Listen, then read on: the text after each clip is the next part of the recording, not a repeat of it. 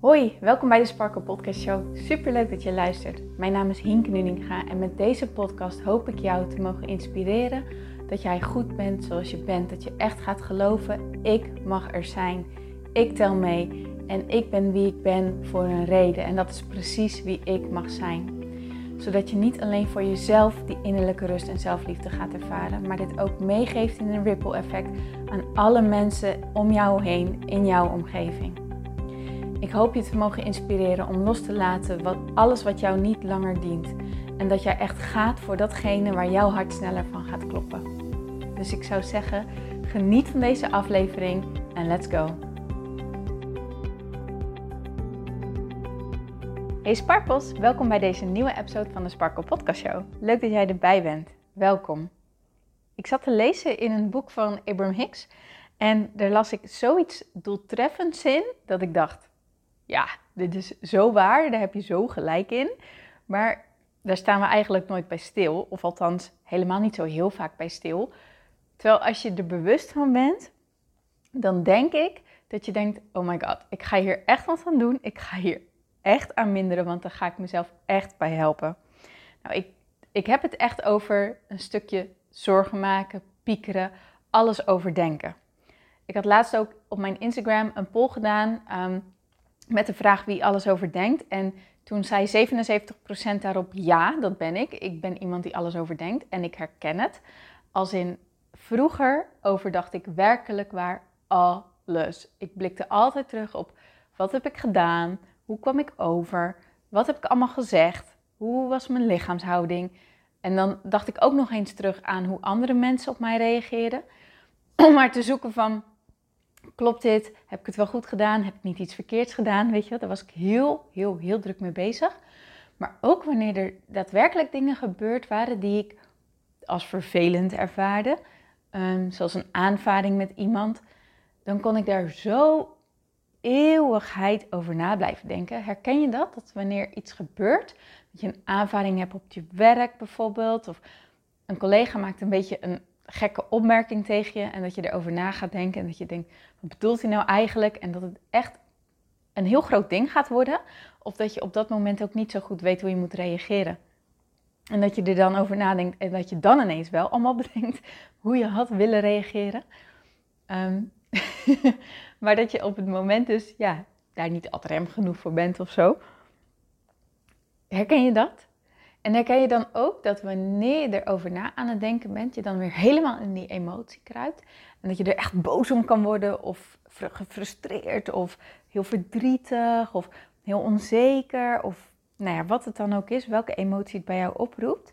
Dat die emotie echt super sterk kan worden. Herken je dat ook?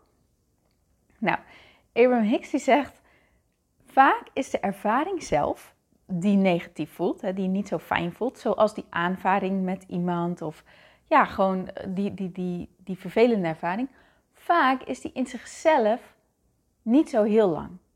Laten we zeggen een ruzie met je partner. Nou, duurt misschien 10 minuten, kwartiertje, voordat een van jullie stampend wegloopt bijvoorbeeld. Of um, nou ja, die nare opmerking van een collega, dat hoeft eigenlijk maar een, een fractie van een paar seconden te zijn. Um, een mailtje waar je even niet zo goed op moet, waar, waarop je niet zo goed weet hoe je erop moet reageren. Nou, misschien een minuutje. Uh, of iets, bijvoorbeeld stel je voor je gaat naar de dokter en je krijgt een prik en je vindt het, het, het zetten van die prik vind je echt ontzettend vervelend. Maar hoe lang duurt het daadwerkelijk zetten van die prik? Niet langer dan een paar seconden, toch? Maar de hoeveelheid tijd die wij kwijt zijn aan het ons van tevoren er druk om maken, en het vervolgens weer overdenken ervan is zo veel langer dan die paar seconden tot paar minuten die daadwerkelijk plaats heeft gevonden. Herken je dat? Het moment zelf, oké.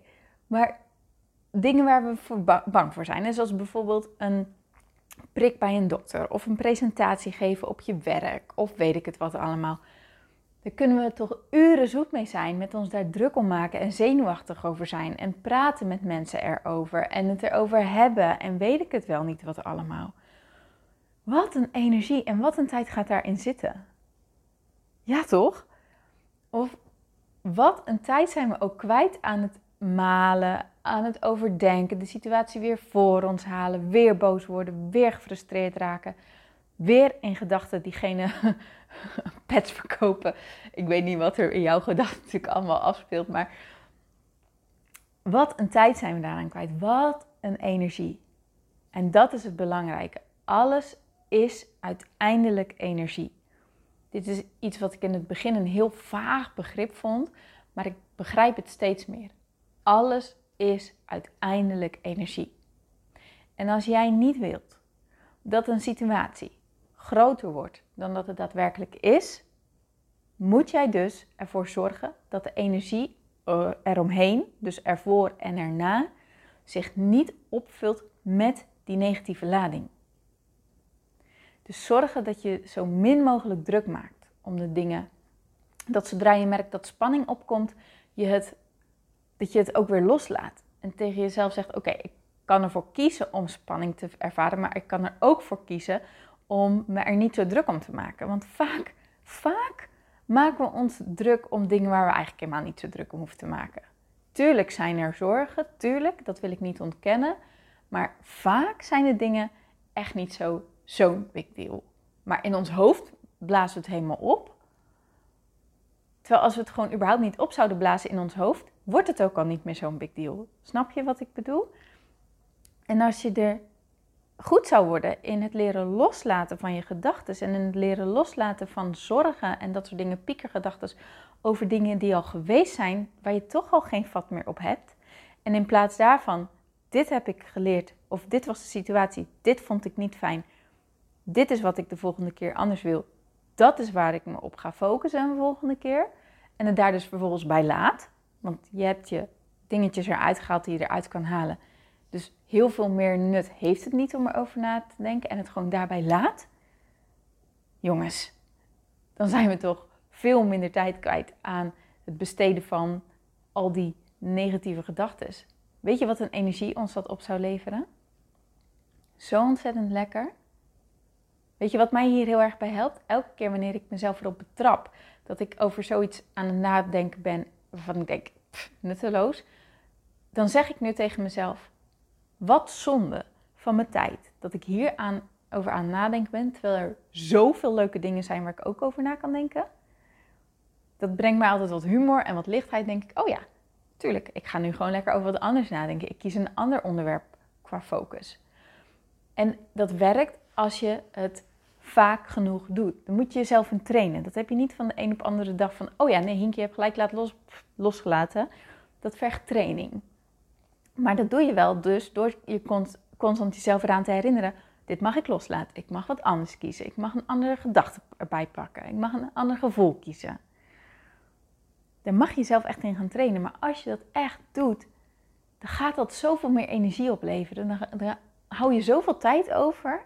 En dan hou je dus ook heel veel positieve emotie over. Want je bent minder tijd kwijt aan die negatieve emoties. Dat is zo lekker. Dat is zo fijn. Dus word gewoon heel erg goed in het loslaten van negatieve gedachten en negatieve gevoelens. En dat is mogelijk. Dat is echt mogelijk. Dat is waar ik met Inner Peace Movement nu helemaal mee bezig ben. Die deelnemers die gaan dat echt masteren. Om negatieve gedachten en negatieve gevoelens los te laten. Om daar gewoon niet meer in te blijven hangen omdat het zo zonde is van je tijd, zo zonde van je energie, zo zonde van je gevoelens. Het is niet nodig. Dus als jij merkt dat dit iets is waar jij ja, mee zit, ja, een beetje een groot woord, weet ik niet, maar in elk geval, als je denkt, dit heb ik, maar dit zou ik ook wel minder willen, ga dan voor jezelf ontdekken, hoe kan ik dat loslaten? Wat kan ik daaraan doen? En ga daarmee spelen, ga daarmee oefenen, ga daarmee aan de slag. Daar doe je jezelf echt een groot plezier mee. Ik beloof het je. Oké, okay? Nou, dankjewel voor het luisteren. Ik wens jou een hele mooie dag toe. En ik spreek je heel graag morgen weer. Tot dan!